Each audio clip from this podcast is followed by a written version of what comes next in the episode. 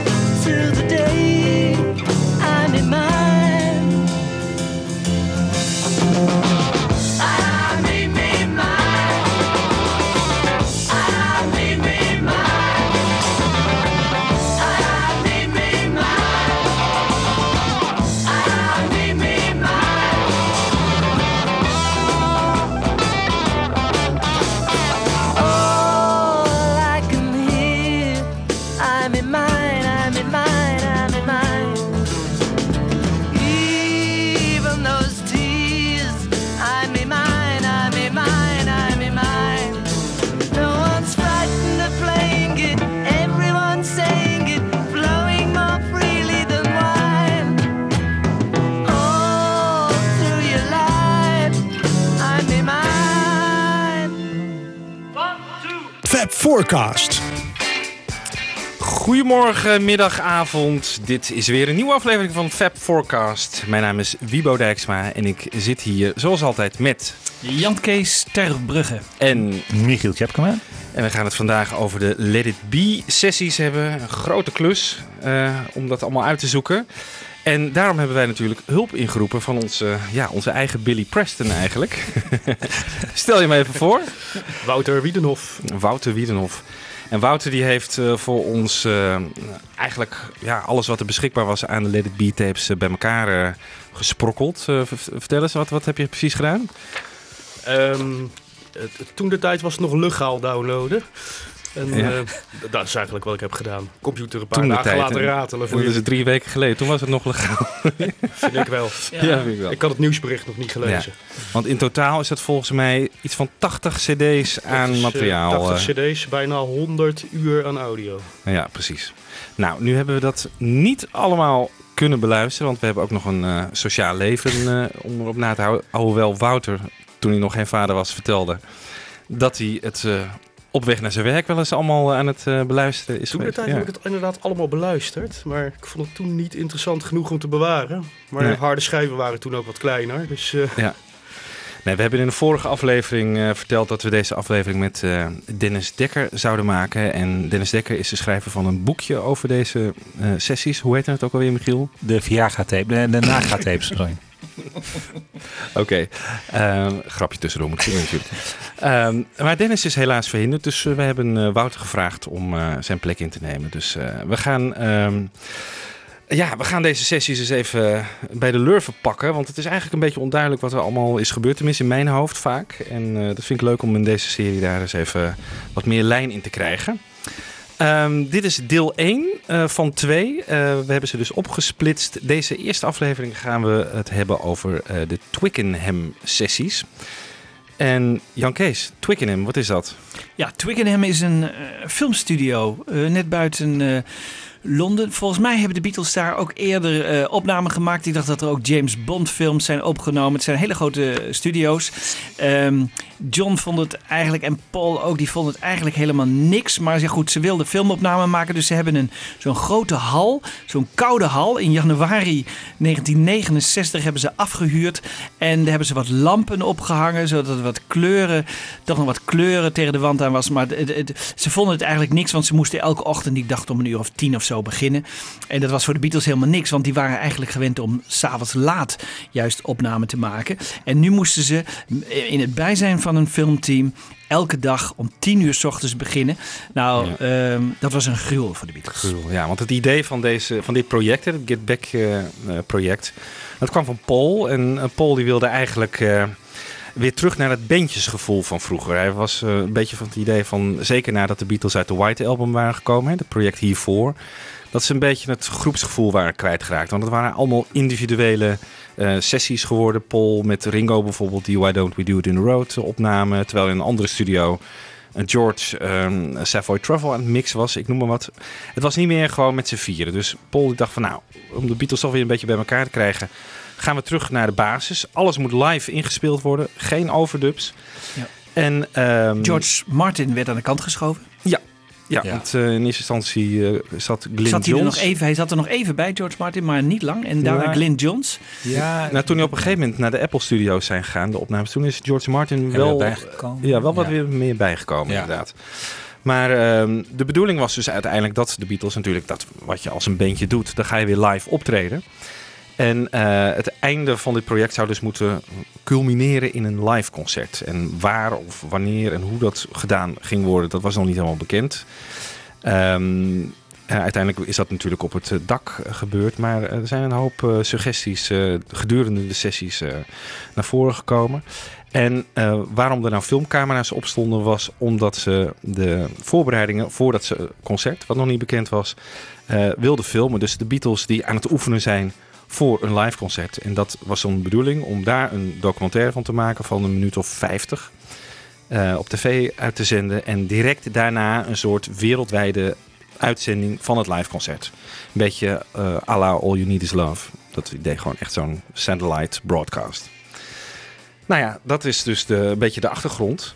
Het was inderdaad wat Jan Kees al zei, 1 januari dat ze ermee begonnen. Ehm, donderdag 2 januari was de allereerste ehm, sessie in Twickenham. En ja, er wordt voornamelijk eh, dan aandacht besteed aan eh, de nieuwe nummers Don't Let Me Down, Two of Us en I've Got a Feeling. En Don't Let Me Down is dan eh, het nummer van John natuurlijk. En ehm, dat is het allereerste nummer dat gespeeld wordt. En Wouter heeft een compilatie gemaakt van zeven versies van Don't Let Me Down... die op 2 en 3 januari zijn gespeeld. Eh, Ja, het hoe heb je dat gedaan? Ik heb eh, gewoon van de, van die eerste twee dagen gewoon alle Don't Let Me Downs eh, bij elkaar gezet. En een beetje zitten grasduinen, wat, eh, wat aardige stukjes zijn. Waarbij je een beetje kan horen hoe het, hoe het, hoe het opgebouwd wordt. Het begint ook met een van de eerste opnames. Waarbij je eigenlijk niet meer hoort dan een baslijntje en en een ritme. En vervolgens doen ze hetzelfde, maar dan eigenlijk voornamelijk met alleen maar gitaar en, en de akkoorden doorheen rammen. En eh, ze hebben ook nog een, eh, een stukje, gewoon een, eh, ja, eigenlijk een instrumentaal stuk heb ik er tussen geplakt. Dat, dat hoor je ook vaker, dat ze gewoon instrumentaal dat ze de, de nummers zitten te oefenen. En aan het eind doet John Lennon nog even een wierste bob. Dan zingt hij volgens mij het eerste couplet met, een, met, een, met de karakteristieke Bob Dylan eh, stem. En je hoort daar ook dat, eh, dat George Harrison die komt al heel snel aanzetten met een wah-wah pedaal. En in die, zeker in die eerste paar dagen gaat hij overal doorheen zitten jengelen met een... eh, ja, een wah-wah is hartstikke leuk pedaaltje, maar als je Vertel een obsessie even hebt- voor de, voor de niet-kenner. het is, eh, het is gewoon een, een voetpedaal wat je aan een eh, gitaar kan hangen. Of meestal wordt het aan een gitaar gehangen. Het is heel bekend vooral van, eh, van Jimi Hendrix die dat veel gebruikte. Alleen die snapte wel dat je het ook af en toe uit moet zetten. en George had daar blijkbaar moeite mee in die eerste dagen. Nou, ik en heb het- George daarvoor ook nooit op een wah-pedaal horen Nee. spelen. Dus ik denk dat het gewoon Nee. een nieuw speeltje was. En Ja, dan het ga je was een dat- nieuw speeltje. ja, Hij zou, daar veel eh, mee spelen Een week later zou hij ook dat nummer Wah schrijven. dus eh, Ja, Ah, klopt. ja. ja. dat, eh, Ja, dat, ja, dat ja. zou 10 januari geweest zijn. Ja. Maar goed, het maakt dus voor dat je gitaar gewoon als Wah gaat klinken. En eh, nou, dat hoor je vrij Heb, duidelijk. heb jij nou het idee dat eh, John dat hele nummer al in zijn hoofd had? Of heeft het zich ontwikkeld in de studio daar? Eh, wat, wat, wat, is jouw indruk? Nou, als ik het zo hoor, dan eh, staat het eh, ruw, heeft hij het, was het gewoon al klaar. Het was alleen precies, ja, waar, doe ik precies welke gitaarlikjes en, en meer niet. Je hoort dat ze vooral veel ja, zitten te kijken van hoe kun je het op verschillende manieren spelen. Maar op zich staat het nummer er wel. eh, Ja, maar John is dus minder zoals Paul McCartney, die dan zo'n heel nummer in zijn hoofd heeft en precies weet, jij moet het zo spelen, jij moet het dit spelen. Ja, maar ik denk dat je op tijdens deze Let It Be sessies hoor je toch ook vaak dat een nummer als Get Back of Let It Be, dat moet zich ook ontwikkelen hoor. Dat, ja. eh, je, en Don't Let Me Down zeker. Precies, en het mooie is Ja. juist, omdat het allemaal zo secuur is neergelegd, alles opgenomen, dat je heel goed dat opnameproces kan volgen. Ja. Het is alleen jammer dat het eh, zulke miserabele sessies waren. Ik bedoel, Ja. als je dit nou van Sgt. Pepper zou hebben gehad, dat was het leuk geweest. Maar eh, ja.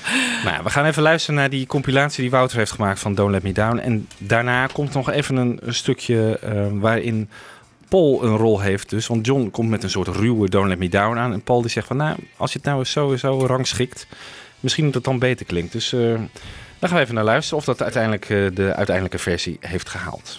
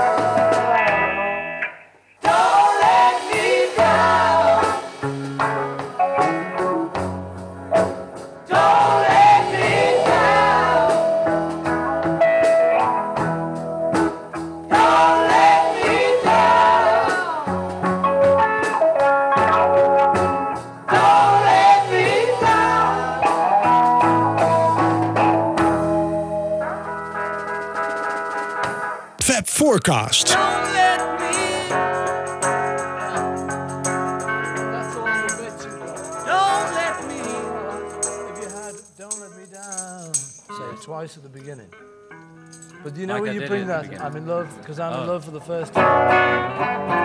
Don't do that. It sounds like a middle eight or Oh, yeah, okay. It doesn't sort of. But um, so scrap that. Except use that somewhere near the end. That one used to go after the. After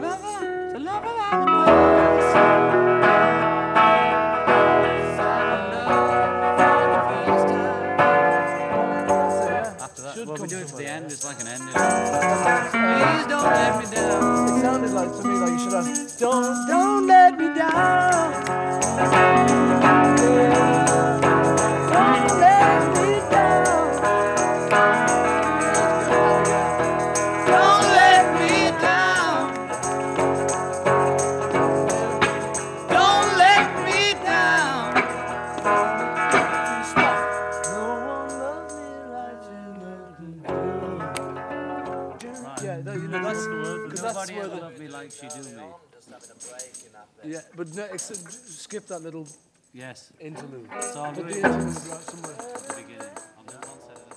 Ja, dat laatste vind ik heel grappig. Dat John dus, ja. eigenlijk wel heel typisch weer. Paul heeft het al, een- oh, zelfs bij een andermans nummer, al helemaal in zijn hoofd van...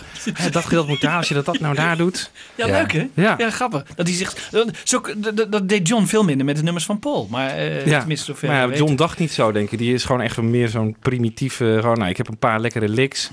En daar maken we met z'n allen wel wat van. Of zo. Ja. Maar Paul heeft het allemaal helemaal uitgewerkt in zijn hoofd. Mooie montage. Mooie montage. Leuk, leuk Ja. om te horen. Je hoort overigens wel, want dat is natuurlijk het, het punt bij die hele Twickenham sessies. Die geluidsman, die, die staat daar dus met een hengel. En die, die staat soms een beetje verder weg. Die staat soms wat dichterbij. Als hij bij, dichter bij de, bij de zangversterker van Paul staat, dan hoor je Paul veel harder. Of hij staat dichter bij de drums, dan hoor je die drums. Dus het is geen, nooit een evenwichtige Nee, mix, hè, wat je moet- normaal nee. wel in de studio hebt. En dat is wel eens jammer. Ja, dan moeten we inderdaad even zeggen inderdaad, dat dit, deze geluidsopnames komen van de camera eh Ja, precies. eh, Van de inderdaad. Nagra, Nagra tapes. van de Ja. Nagra tapes. Ja. Goed, ehm, we zijn nog steeds op 2 januari, de eerste dag. En natuurlijk komt dan eh, het liveconcert ter sprake. En ehm, waar gaat het gehouden worden? Nou, er gaan een hele hoop, door de sessies heen komen een hele hoop exotische locaties eh, langs. En eh Glyn Johns, dat is dus de producer van, van de opnames, van uiteindelijk album dan niet. En Michael Lindsay Hawk, dat is de regisseur van de documentaire. Die zijn heel enthousiast over een eh, bepaalde exotische locatie, maar Paul die snoert hen de mond. en waarom horen we nu? The idea is that, Yeah. that Michael and, and, and This is Dennis 13, take one. had with all their weird instruments, the snake charmers and and like holy men and all that scene, and they just like hundreds of people, and they just gather around and they all play, and you give them bread. And I was very taken by the place Dennis talked about. Yeah, this that was- amphitheater. Mm. Because the whole thing, I could see it with the sea outside, torch lit, 2,000 Arabs and friends around. I thought the venue was No, I, appropriate. th- I think we won't. Be, I think you'll find we're not going abroad. Hmm.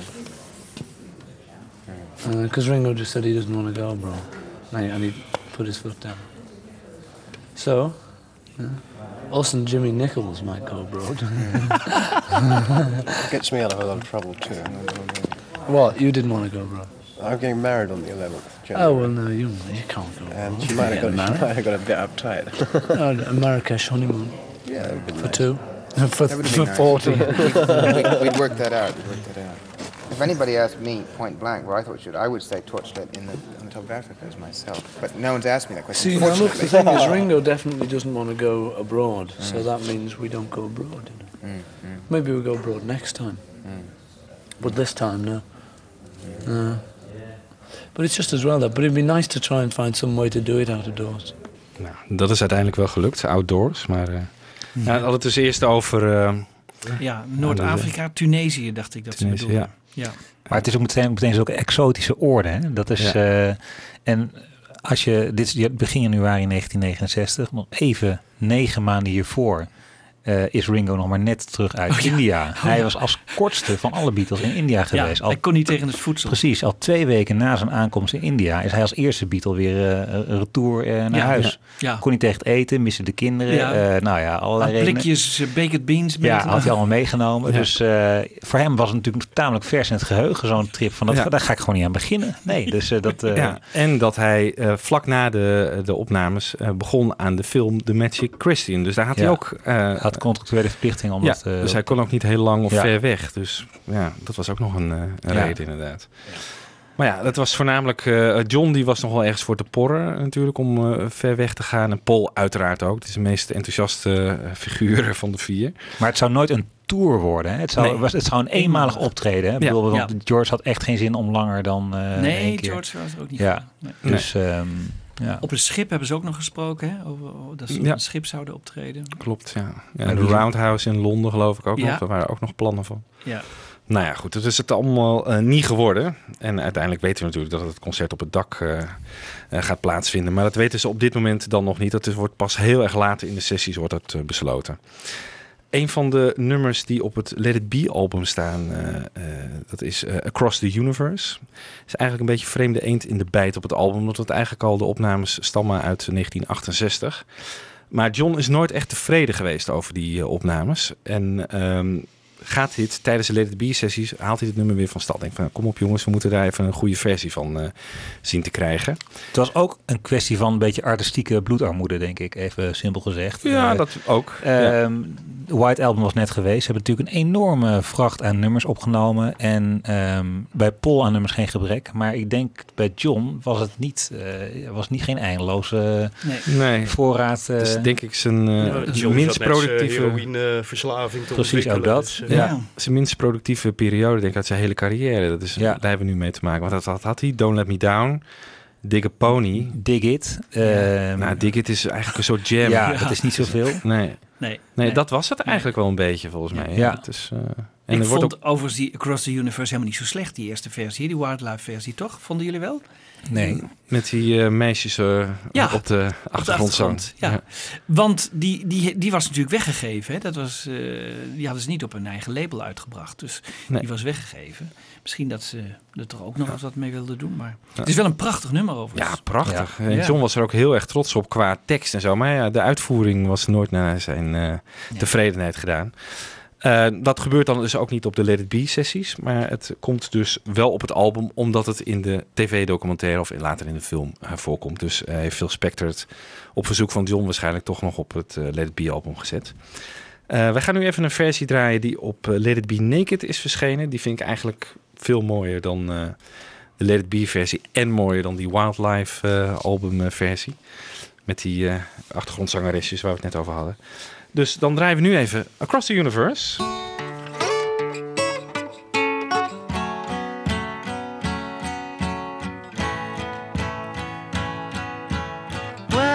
Flowing out like endless rain into a paper cup.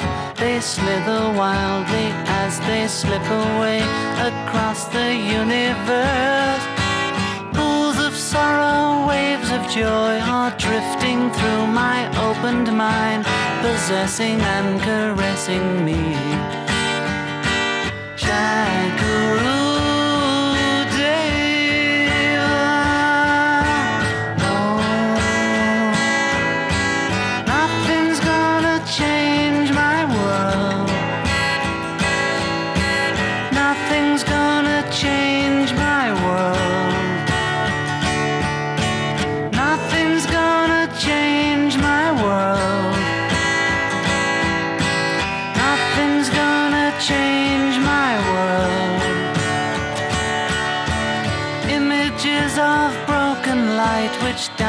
before me like a million eyes. They call me on and on across the universe.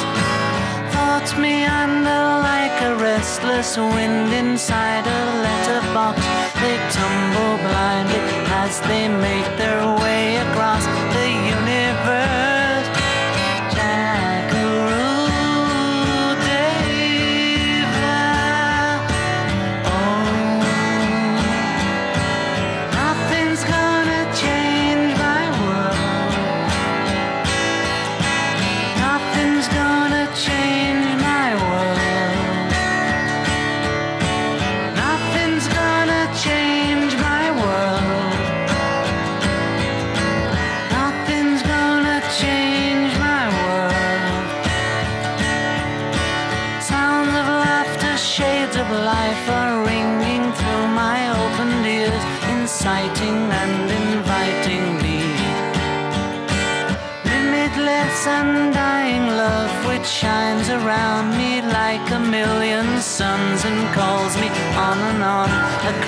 the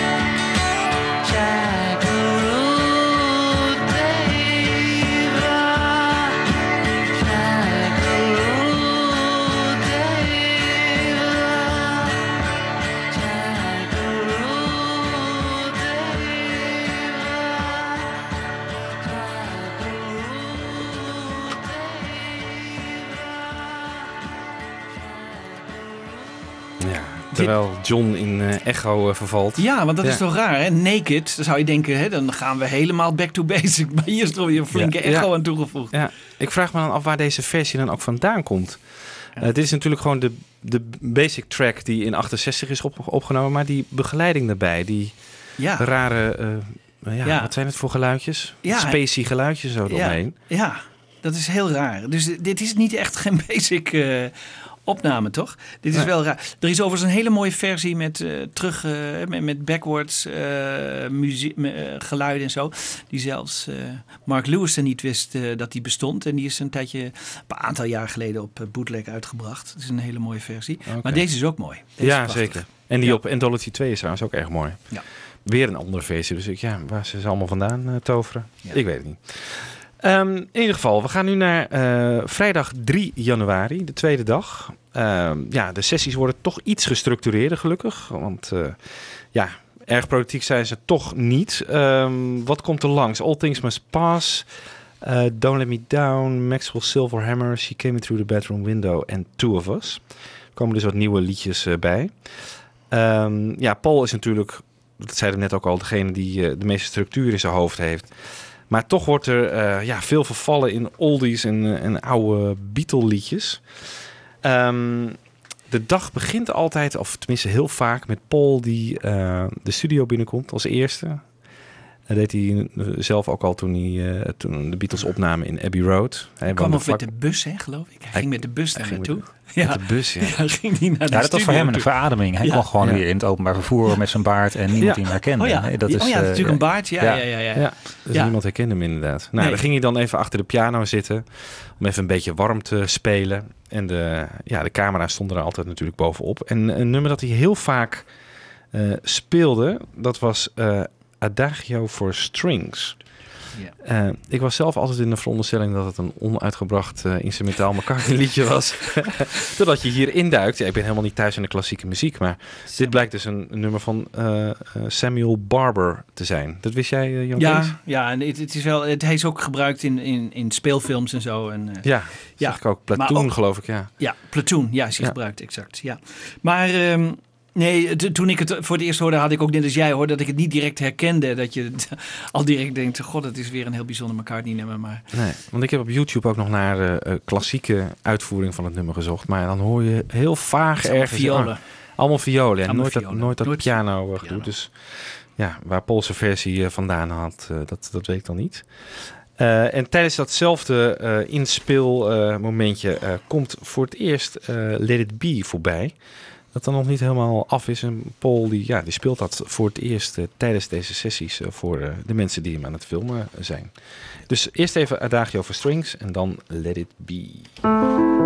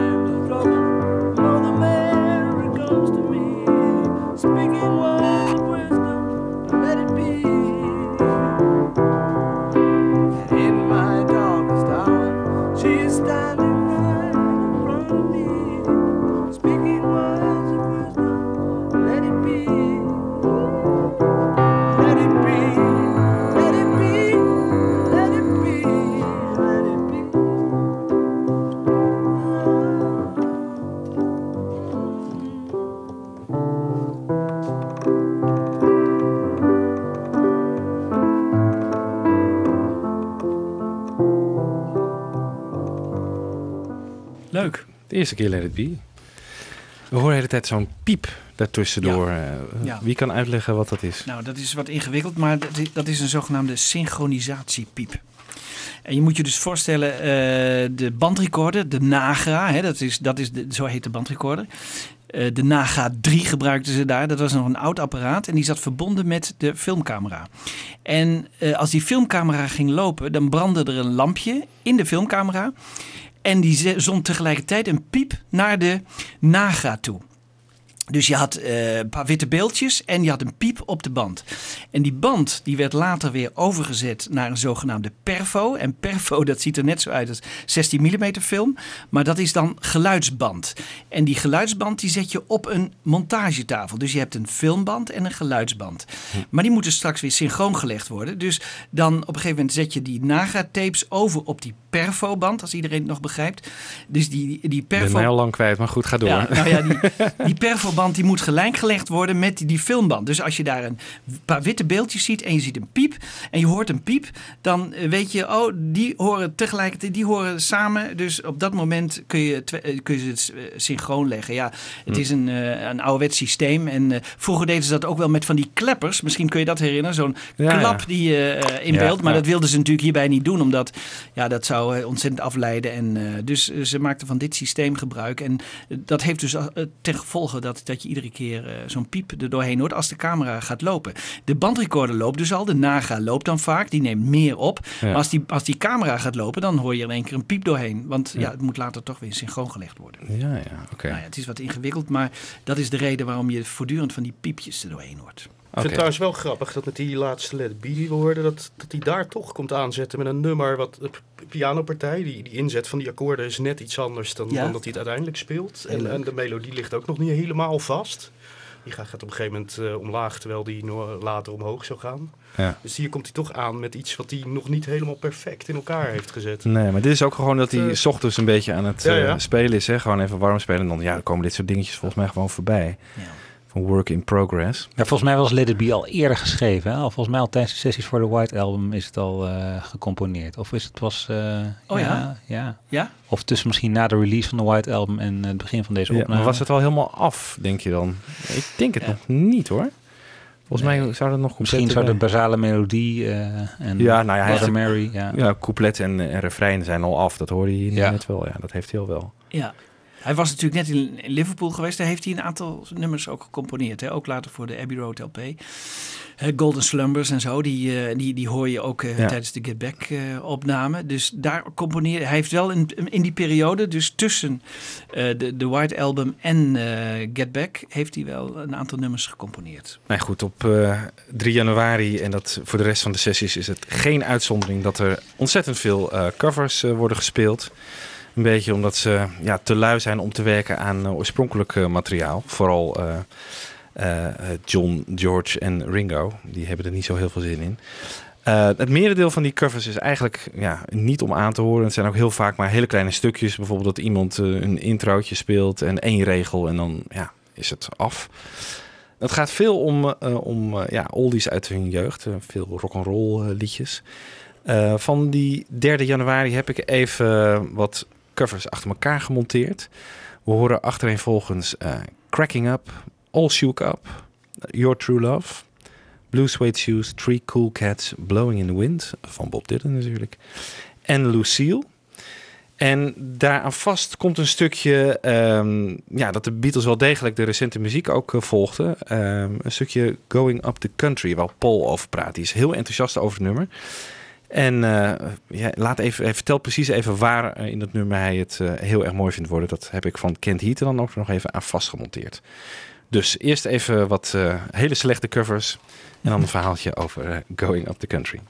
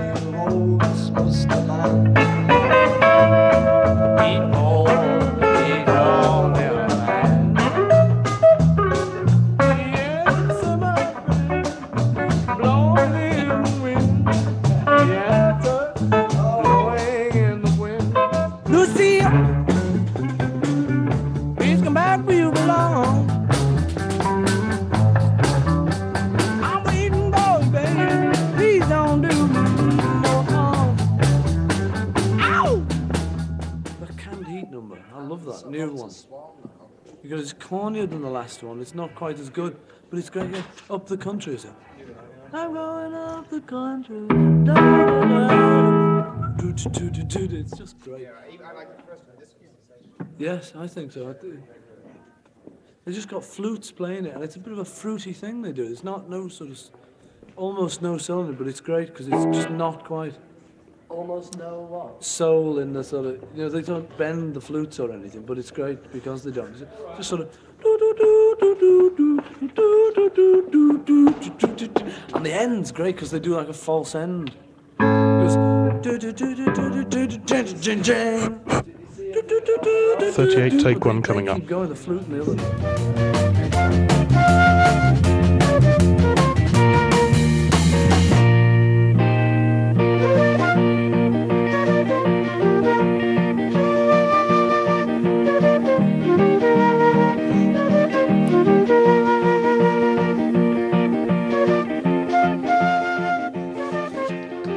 Ja, een stukje Kent Heat. Going Up the Country. Nog gespeeld op Woodstock. Ja. Oh, oké. Ja. Zeker. En dit is een half jaar voor Woodstock. Dus ik heb altijd gedacht dat het nummer gewoon ten tijde van Woodstock uitgebracht is. Maar Mhm. dat is dus al veel eerder gebeurd. Het is gebaseerd op een, eh, op een oud bluesnummer uit de jaren 20. Oh ja? Bulldoze Blues van, volgens mij heet die man Henry Thomas. Maar Henry Thomas. Ja. Oké.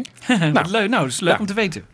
Ja, het is heel bekend geworden inderdaad door, eh, door- het is eh, volgens mij zelfs de opening tune van de, van de film uiteindelijk Ja. van Woodstock Ja, eh, klopt, ja. Ja. Alleen hebben ze toen niet de Woodstock versie gebruikt, maar die was afgrijzelijk blijkbaar. Toen hebben ze gewoon de, de studio versie erop geplakt.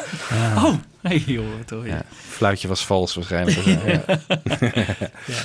ja, maar ontzettend slecht ook hoe ze die, die, die teksten van die nummers gewoon, dat is sowieso over de hele sessies, helemaal niet meer weten. Hè? Gewoon eh, wat, wat kreten, terwijl ook van nummers die ze vroeger gewoon coverden en Ja, jarenlang ja. in hun live set hebben gezeten. Ja. Ja, dat klopt wel, maar je moet het ook bedenken. Ja, het is helemaal niet bedoeld om te worden opgenomen. Eh, Het is allemaal een beetje jammen. Ja, dat maakt, het, maakt, het staat zo weinig op het spel dat het eigenlijk niet zoveel uitmaakt dan. Tenminste, Nee, maar ze zijn dat- natuurlijk wel een tv-documentaire aan het maken Ja. op dat moment. Ja. Ja. ja. Die professionaliteit die hebben ze dan weer niet op dat moment. Want het blijkt echt dat iedereen er gewoon echt totaal geen zin in had.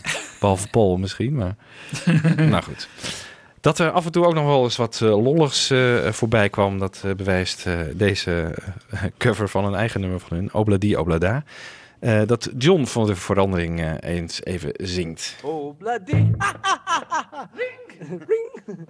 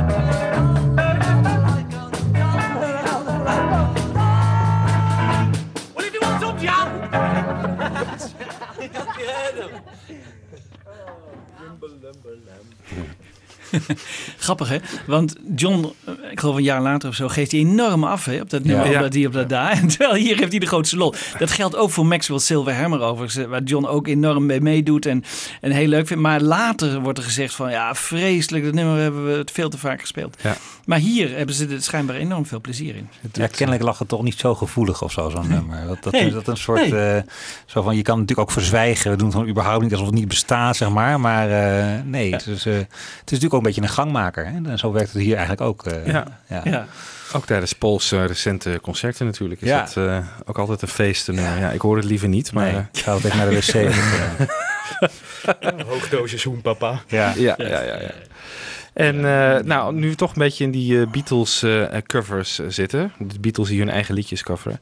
Jan Kees heeft weer een van zijn befaamde compilaties gemaakt. Ja, nou ja, in, in die zin, ze hebben heel veel eh Beatle-nummers gespeeld uit die hele periode. Dus vanaf begin 62 tot, tot 69. Ze spelen af en toe gewoon Beatle-nummers. En dat doen ze op een hele leuke manier en soms net op een andere manier. En ik dacht, nou, eh, laat ik al die Beatle-nummers nou eens even achter elkaar zetten.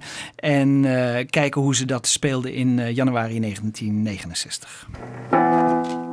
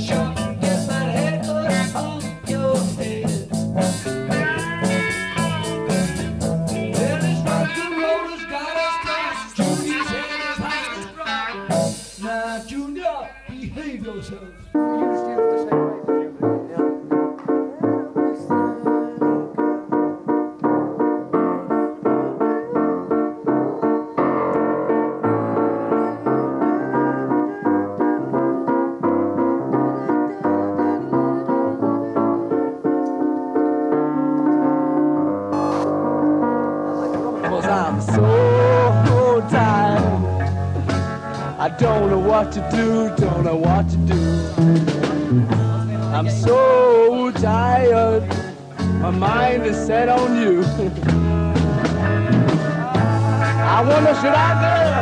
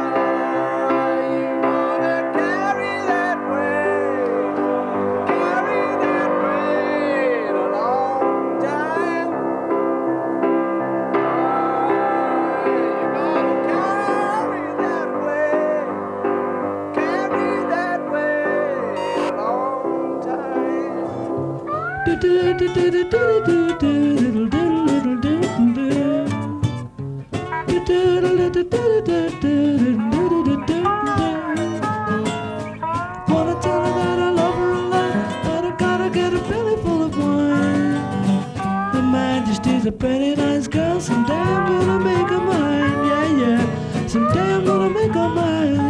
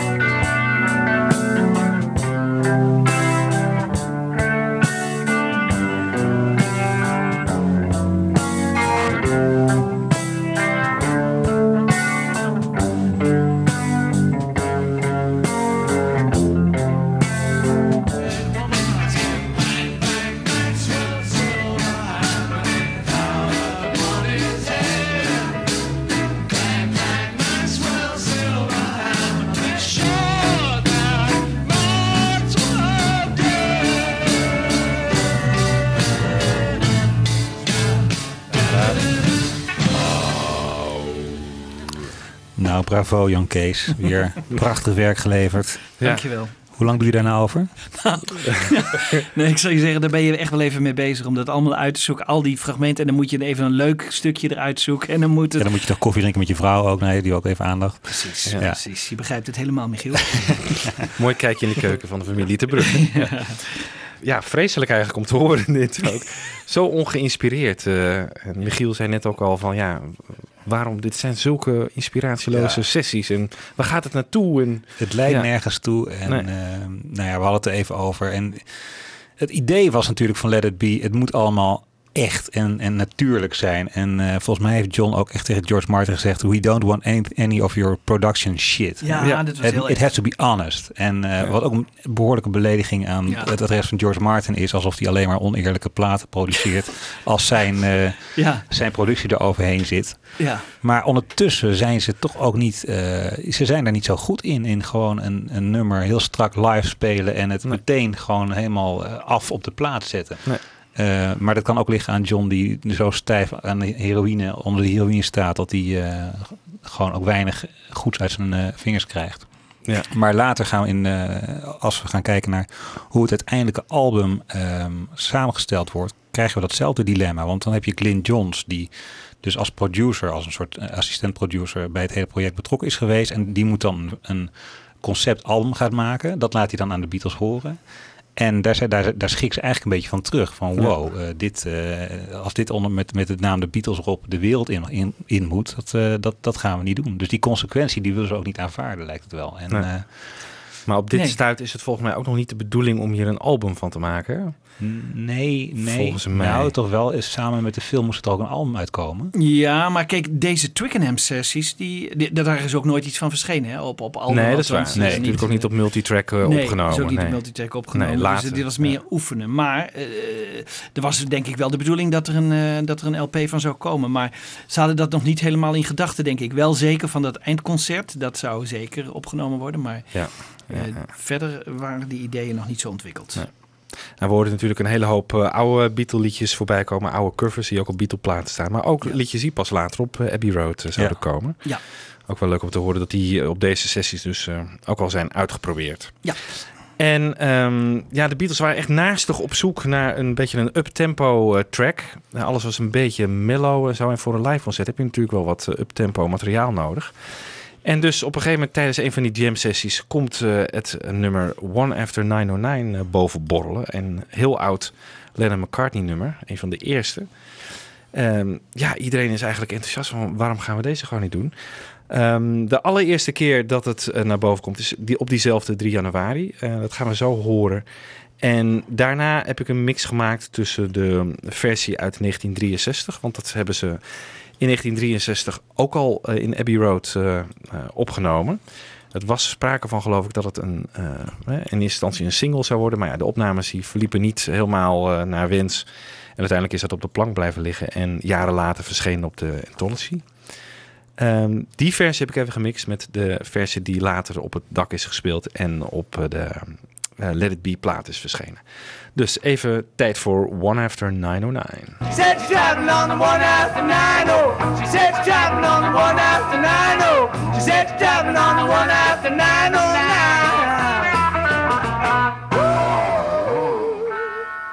Okay. all right. Yeah. Should do it. Oh yeah, sure. I think that. Yeah. No, no, got a belt. It's on. just from the first ones. 1948, Really, that's out of the past. That. No, that one about 15. It's great. That. It's good. Uh, I always meant to just change the words a bit and do something. But It's not. But it's, no, it's so great. One of the night on that. So move on, honey, I'm travelling on that line. yeah, move on, want to move on. tra- Come on, baby, don't be cold as ice. You're only fooling around. You're only Fooling fooling around with me. Yeah. Well, should we just practice that for a bit? Yeah. What? Or maybe we should just do it without practicing. What? you know, practicing will fuck it up. Yeah, right. Sort of know. We'll, we'll, you know, we'll just know where we're going. We won't sort of arrange it or anything. That's it. We just the have arrangement. uh, Oh, you verse, know, two verses, nothing bridge, No? third verse. I never sort of knew what it was about before. I mean, so she's on a train. Yes. And he sort of. He goes to the station. and it. But he goes back and finds it was the wrong number. So. Wrong location.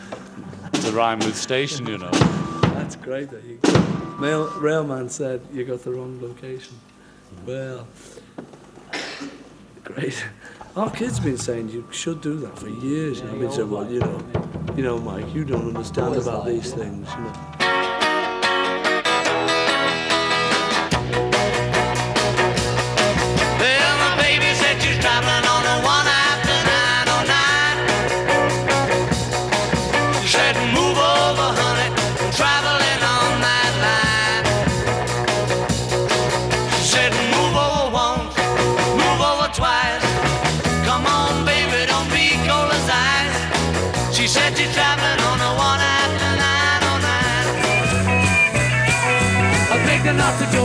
Her on my bended knee.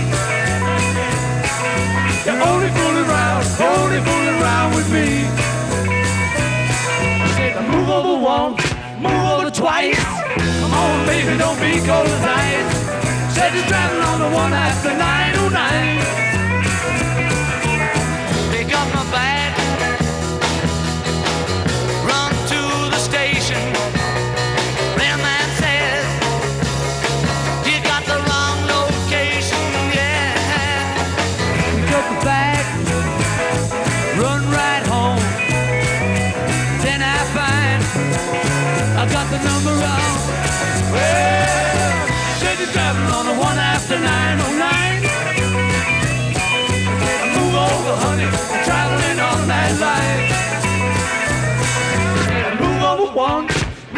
Twice. Come on, baby, don't be cold as ice.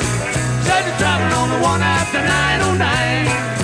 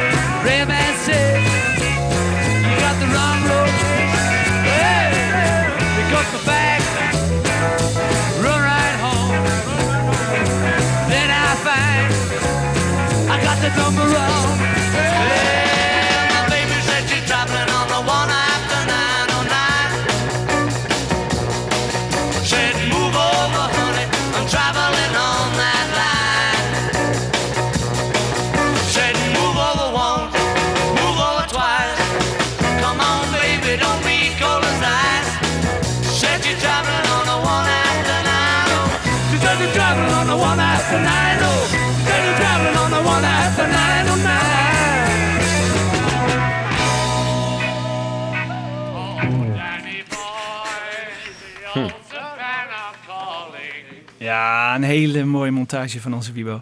Eh, Weet je, ik denk... ik vind die solo ook mooi, hè, van George Harrison. Die oude solo en die nieuwe. Ja. Maar ik denk dat ze zo moesten lachen, omdat het een heel oud nummer is. We hadden het hier net even over. 1958, 59 of zo. Toen waren ze nog heel jong, 16, 17. Ja. En dat ze terugdachten aan die tijd en wat voor teksten ze toen schreven. Ja. En dat maakt het wel heel erg leuk. Ik bedoel, ze moet, er is nog zo'n moment, ook in die hele Get Back-periode, dan hebben ze het over thinking of linking. En dan vertelt Paul ook over Ja. hè, dat dat ergens vandaan komt. Maar dat vinden ze dan heel erg leuk, want dat Ja. doet weer die oude tijden herleven. Ik denk dat dat onschuldige tekst over. ja, Onschuldige teksten, ja. ja, ja. Wat mij voornamelijk opvalt deze eh, montage is eh, hoe enorm gegroeid George Nou, Harrison is in zijn nou, gitaarspel. Ongelooflijk. Die solo in, in, in- Ja. uit 63 die gaat helemaal nergens Nee. naartoe. Nee. We hebben wel vaak we hebben over hier gehad een, natuurlijk. Een gitarist eh, bij ons. Dus, Ja, Ja, maar zeg- niet elektrisch. Oké. maar je bent met ons, met ons eens, eh, neem ik aan. Ja, nou, mijn zinziens is George sowieso niet een... eh, hij kan prima spelen hoor, maar het is geen geweldige gitarist. Maar vind je ook niet dat hij wel gegroeid is in de loop van zijn eh, hele... Ja, alleen hij, ja, hij heeft wel een, een bepaald eh dictionair. Dat, dat is een bepaalde manier van spelen die hij op een gegeven moment wel geleerd heeft, maar daar is hij ook nooit uitgekomen. Je, als je ook een eh, George Harrison hoort spelen, je hoort meteen dat is George Harrison. Ja. En je hoort bij, weinig wat hij ooit buiten zijn eigen context doet. Dat, eh, misschien alleen ja, bij, bij, bij Cold Turkey geloof ik, dat heeft hij ook, dacht ik, ingespeeld. Daar, dat is het enige geluid wat ik van hem ken, wat je niet zo snel Ja. bij George Harrison zou plaatsen. Maar, Nou ja, toch wel de slide gitaars natuurlijk Ja. later in de Ja. solo carrière. Ja. Dat is wel Ja, echt een trademark. nieuw- ja, precies. Ja. Ja, dat doet hij bij For You Blue al. eh, Ja. Ja. maar dat is John. Oh, dat is John. Ja, want Ja. eh. George speelt daar akoestische eh, gitaar op. Ja. Ah, John trouwens ook op... eh, is dat door eh, een lapsteel dan, eh, denk Ja, ik? ja, dat ja, ja. speelt, Ja, dat zie je ja. Ja. ja. Ja, ja, dat speelt hij later volgens mij ook op eh, John Sinclair. Een van zijn solo-nummers speelt hij ook die slide-gitaar. ja, wel, eh, het, dat is wel opvallend dat George eh, ja, gewoon echt goede likjes hier, echt gewoon rock, eh felle rocklicks speelt. We zijn nu, eh, we waren net op vrijdag. Het weekend hebben de mannen dan vrij. Op maandagochtend 6 januari komen ze weer bij elkaar. En ja, dat is niet zo'n hele eh, goede dag. Ehm, s ochtends wordt er veel gejamd en smiddags, eh, ja, halen ze Don't Let Me Down en Two of Us maar weer eens van stal. Van ja, dat is, die zijn nog niet af. Laten we die nog maar weer eens even gaan aanpakken. Nou, laten we even die, eh, die ochtend als eh, de mannen binnenkomen. Paul is er al, zoals gewoonlijk. Die heeft waarschijnlijk zijn piano-riedeltjes al gedaan.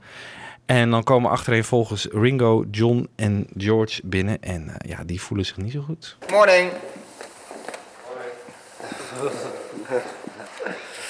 Good morning. Good morning. I won't lie, I'm not too good. Join the club. Morning. So it just comes back. Morning. How do you feel? Okay. It was, uh, Oh yeah, it was just a passing phase. yeah. through, oh, just through lack of sleep. Just through. It gets, gets a bit late. you know, it just gets so late that it's early. Yeah. And then you just, you know, drop it off. It's still dark and it's mad falling and all that. Uh, If you know what I I'm trying to ring you this morning. Yes, I know. wake you up. I've, I know. I was complaining to the operator and telling him, "Can I, can I tell you about my phone's gone wrong?" But it's just I haven't switched it through. The phone is gone wrong. nou, Ringo voelt zich dus niet goed. En dat zei hij al. John die heeft waarschijnlijk een drukste weekend achter de rug. We zeiden, it's just a passing phase. en dan komt George ook nog eens die de hele nacht niet heeft geslapen. Dus dat Dus echt begint al eh, lekker. typische maandagochtendgevoel hier. Ja. eh. Ja. Ja. Als je dat achter elkaar hoort, dan Ja. denk je, dat kan niet goed gaan. Nee, en Paul die zegt, good morning. Dus dat wil je dan ook niet horen natuurlijk. Nee. Ja, oh, jongens, jongens, jongens, leuke montage. Dit. Ja, je krijgt ook een beetje medelijden met Paul. Heb je dat niet? Eh, Ja. Hij Ja. moet de boel maar bij elkaar Ja, zien te hij houden. En niemand die er zin in erin heeft. En eh, Nee. toch enig respect voor iemand die dan toch probeert van... jongens, laten we gewoon weer een lekker dagje muziek maken ervan Ja. maken. Maar eh, Ja. ja, hij wordt vaak als de bully van het hele project afgeschilderd. Hè? Van als het Ja. bazige gedoe en zo. Maar ja, als je deze sessies hoort, dan, ja, dan moet je ook bijna wel. Als jij de enige enthousiasteling bent en de Ja. rest wil niet... Dan, dan verval je automatisch in dat gedrag volgens mij. Ja. Ehm, van wie was het idee eigenlijk, dit hele Get Back? Is dat van alle vier geweest of is dat van Paul. is dat Paul geweest? Ja, Paul weer, ja. ja hè? Wat, wat bedoel je, het hele idee, het hele idee nou van ja, live zoals hij ook Abbey Road heeft gedacht van nou, we moeten George Martin er weer bij halen. Hè? De- Dus hij was weer die drijvende kracht. Dat Ja. Abbey- Maar wie heeft bedacht, we gaan nu eh, een live concert en we gaan daarvoor een Ja, film. hij, Ja, Volgens ja. mij is het kijk, je hebt natuurlijk een patroon gehad eh, al met Sgt. Pepper, eh, Magical Mystery Tour, daar trekt hij Het is altijd Paul die de rest altijd met de Paul. haren Ja. erbij moet slepen. En, Ja. en als ik het goed heb, dan is in een soort business meeting ergens eind 68, als ze over alle problemen met Apple gaan praten eh, en over de, ja, van waar gaan we nu naartoe, zegt hij dus van, eh, we moeten back to basic. eh, wat, iets van, wat Ian McDonald overschrijft, die zegt van, ehm, ze hadden tijdens de sessies voor Happiness is a Warm Gun een beetje het gevoel ge- weer, gekregen van hoe leuk het kan zijn om met elkaar te spelen. Echt een moeilijk nummer op, op de plaat te zetten. En het een beetje spelplezier was tijdens opnames voor dat nummer teruggekomen. En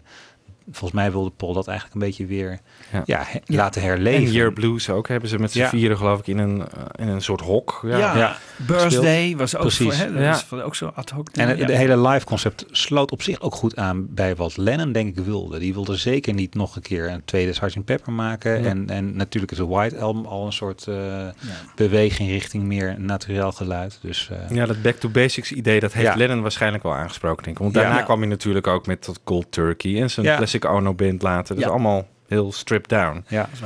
Eh, Wouter heeft nu een compilatie gemaakt over eh Paul, eh, het baasje Paul eigenlijk. Kun je even uitleggen wat we precies gaan horen zometeen? Ja, wat je eigenlijk in, de- vooral in die, rond die dagen, wat dat, als je op die tracklisting kijkt, ze hebben Don't Let Me Down hebben ze echt eindeloos gespeeld. En, eh, en hetzelfde geldt voor Two of Us, wat, eh, wat een, eh, en, eh, later ook eh, I've Got a Feeling. En bij Don't Let Me Down, daar, daar zie je ze, ja, dat jammen ze nog wel enigszins, proberen ze het op poten te krijgen. En dat, ja, dat lukt dan niet helemaal. Maar vooral met Two of Us en, en, helemaal bij I've Got a Feeling, dan, dan hoor je zeker dat, dat Paul die, ja, die begint. De rest probeert enthousiast mee te doen. En, en meteen valt het weer stil. En Paul begint weer, maybe we should do it like this. Or you could add a little of that. En eh, ja, het is bekend dat George zich daar vooral aan irriteerde. Die hoor je vaak ook op zijn gitaar wat dingen proberen. En, en dat valt weer stil, want McCartney die heeft weer opmerkingen. En eh, wat we horen is een stukje dat eh McCartney over, over de drum, of ja, eigenlijk over het ritme van Two of Us begint, begint te zeuren. En, en, en daarbij pro- probeert te doen hoe het ritme ongeveer moet klinken. En vervolgens gaat het over een, eh, een gitaarbruggetje bij, eh, bij I've Got a Feeling. Daar op een gegeven moment eh, zit er zo'n bend down. Down, down, down, down.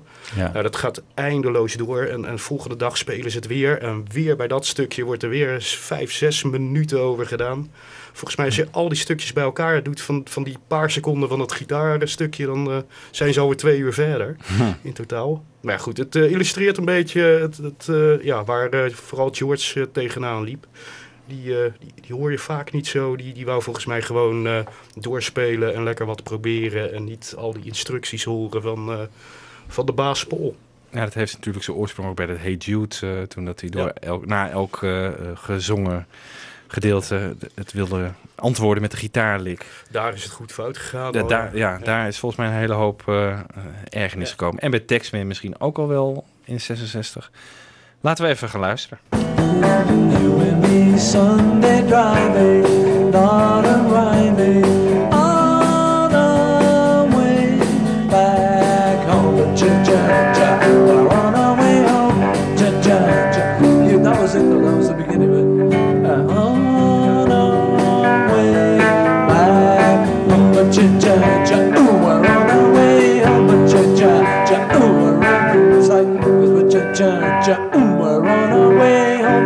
Cha cha. Ooh, we're on our way home. Cha cha cha. Ooh, we're going home. Cha, ooh. Just keep going through it. I think you get. I'll, instead of singing those bits, I'll try and rhythm it. So you get the. Um, Just all these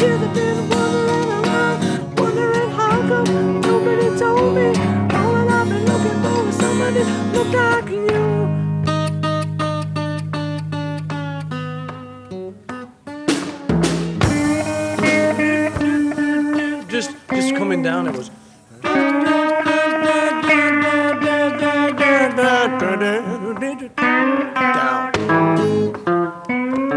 I that break. yeah.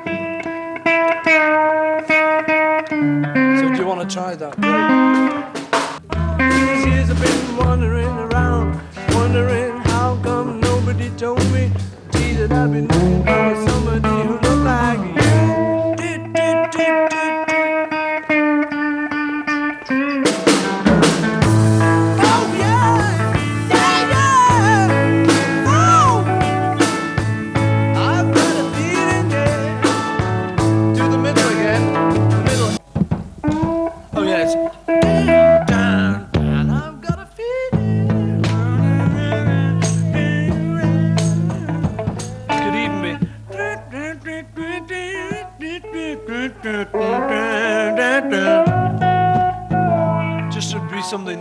something sort of recognisable, and could should come the twice. There's two occasions.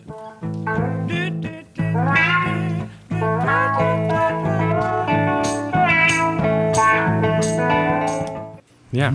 Ja, het gaat echt eh, tijden zo door. Op zich valt het nog wel mee. Hij is, eh, ja, het zijn wel zijn liedjes een beetje, hè, die hij gewoon zo in zijn hoofd heeft. En dan is het moeilijk om dat over te brengen op je collega-muzikanten... die eigenlijk helemaal niet zo enthousiast zijn... of eigenlijk helemaal geen zin in Nee. hebben. Nee. Maar ik vind het wel eh, grappig, met name dat akoestische stukje dat hij even die solo en I've Got a Feeling speelt. Hij speelt het wel volgens mij meteen zoals het eh, zou moeten. Ja, hè? dus ja, eh, dat ja. klinkt heel goed, eh, dat, dat die Dat naar de diepte gaan. ja. En volgens mij kreeg George het ook niet zo makkelijk uit zijn vingers, dit stukje. Maar eh, uiteindelijk wel, maar dat, dat duurde Kan- dus even. Ik kan me herinneren in de film dat John het ook Oh. eerst ging spelen. Maar Oh. dat hij het weer te moeilijk vond dat George het dan eh, ging doen. Ja, ik weet niet precies. Maar ze hadden er wel wat moeite mee. Nou, maar die hij liet geen enkele mogelijkheid tot improvisatie volgens mij. Nee. Eh, Nee. McCartney, hè? Nee, dat was echt eh, hoe hij het in zijn hoofd had, zo moet het eh, gespeeld worden. Ja, en dat was ook wel een van de, de aanleidingen voor de, ja, de beroemde ruzie hè, van, tussen George en Paul.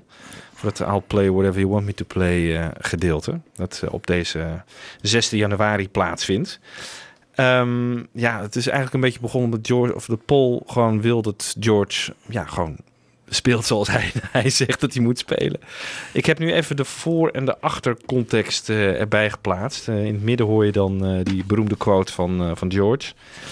Nou, laten we even luisteren.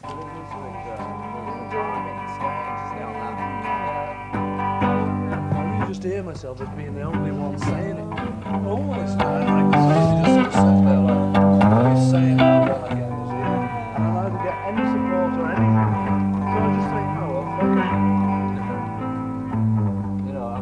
I mean, I up till mean, then, I I'll wait until you get on all the your bits and then Yeah. work my part out, if you like.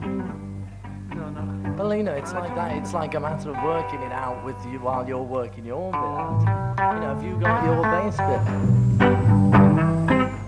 you know, I mean, so you just I know, work but, I know, but you know. because not- take even okay, longer. look, you know, if I'm not trying to say that. Uh, I'm not trying to say that. You, you know, you, you're doing it as, again as though I'm trying to say that. And what we said the other day, you know, I'm not trying to get you. Well, I really am trying to just say, look, lads, the band, you know, should we try it like this, you know? It's funny that Harry done because when we the um, I know it's if this one, it's like, should we play guitar all through Hey Jude? Well, I don't think we should. Yeah, okay, well I don't mind, I'll, I'll play, you know, whatever you want me to play.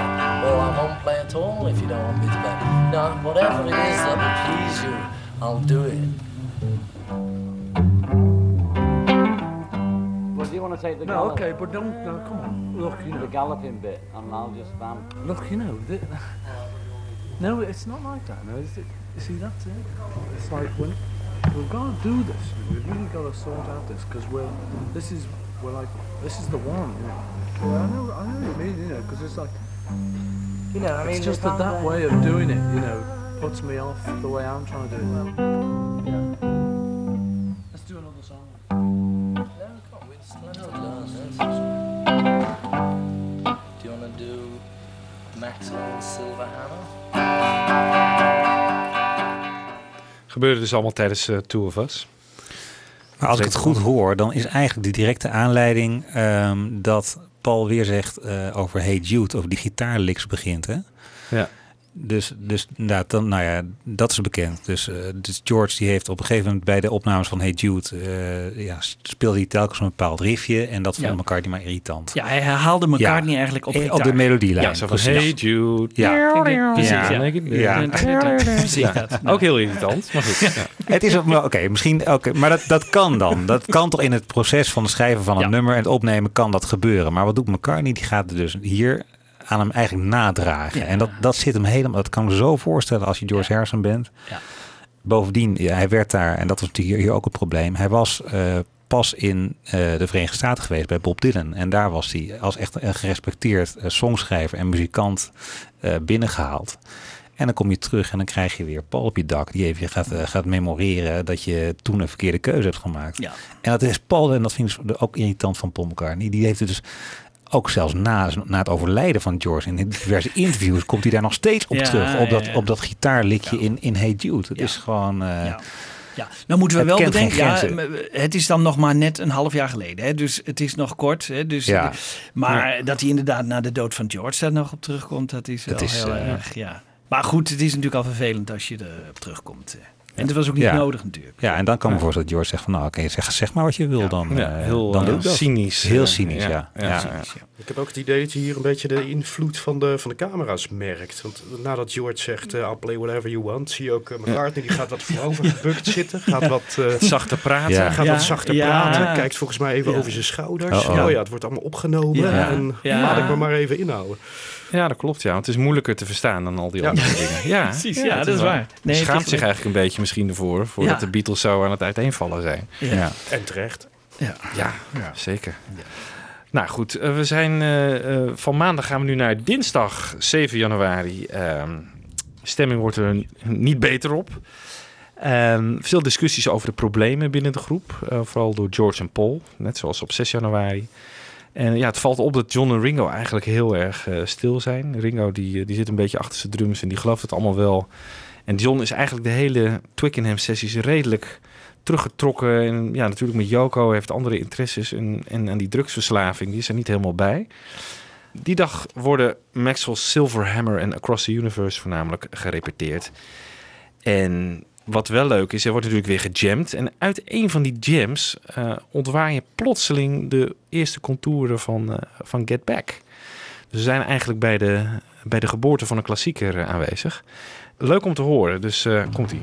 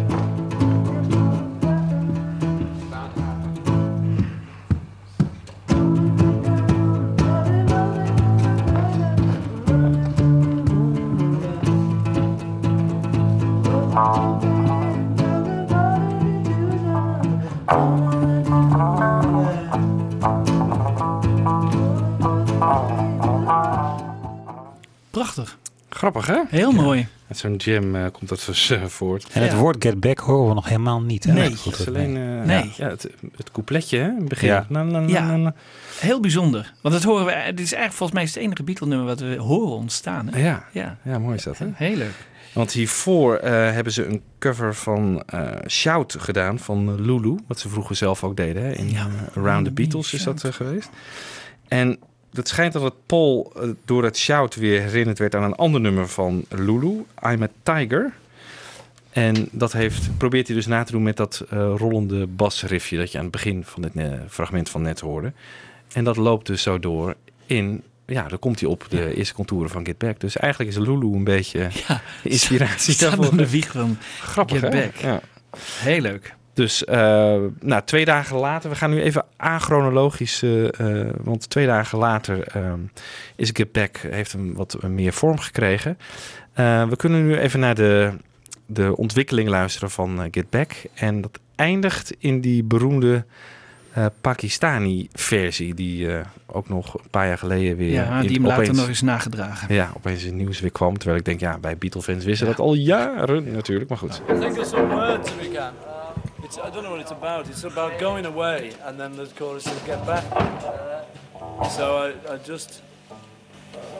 Actually, it's not about anything. Hello. Yeah, we'll just have those words, just words that, like that Caledonian mission. They're just nothing about anything, it's just like rubbish.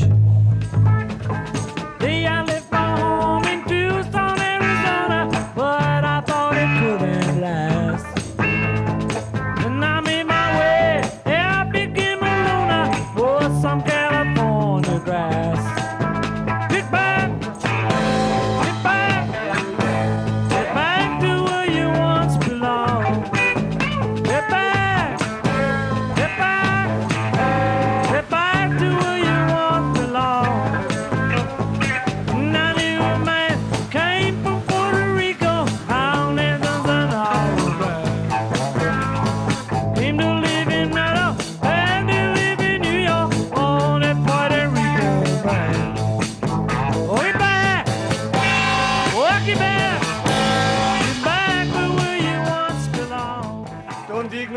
Pakistanis taking all the people's jobs. Oh, get back, get back, get back to where you once belonged.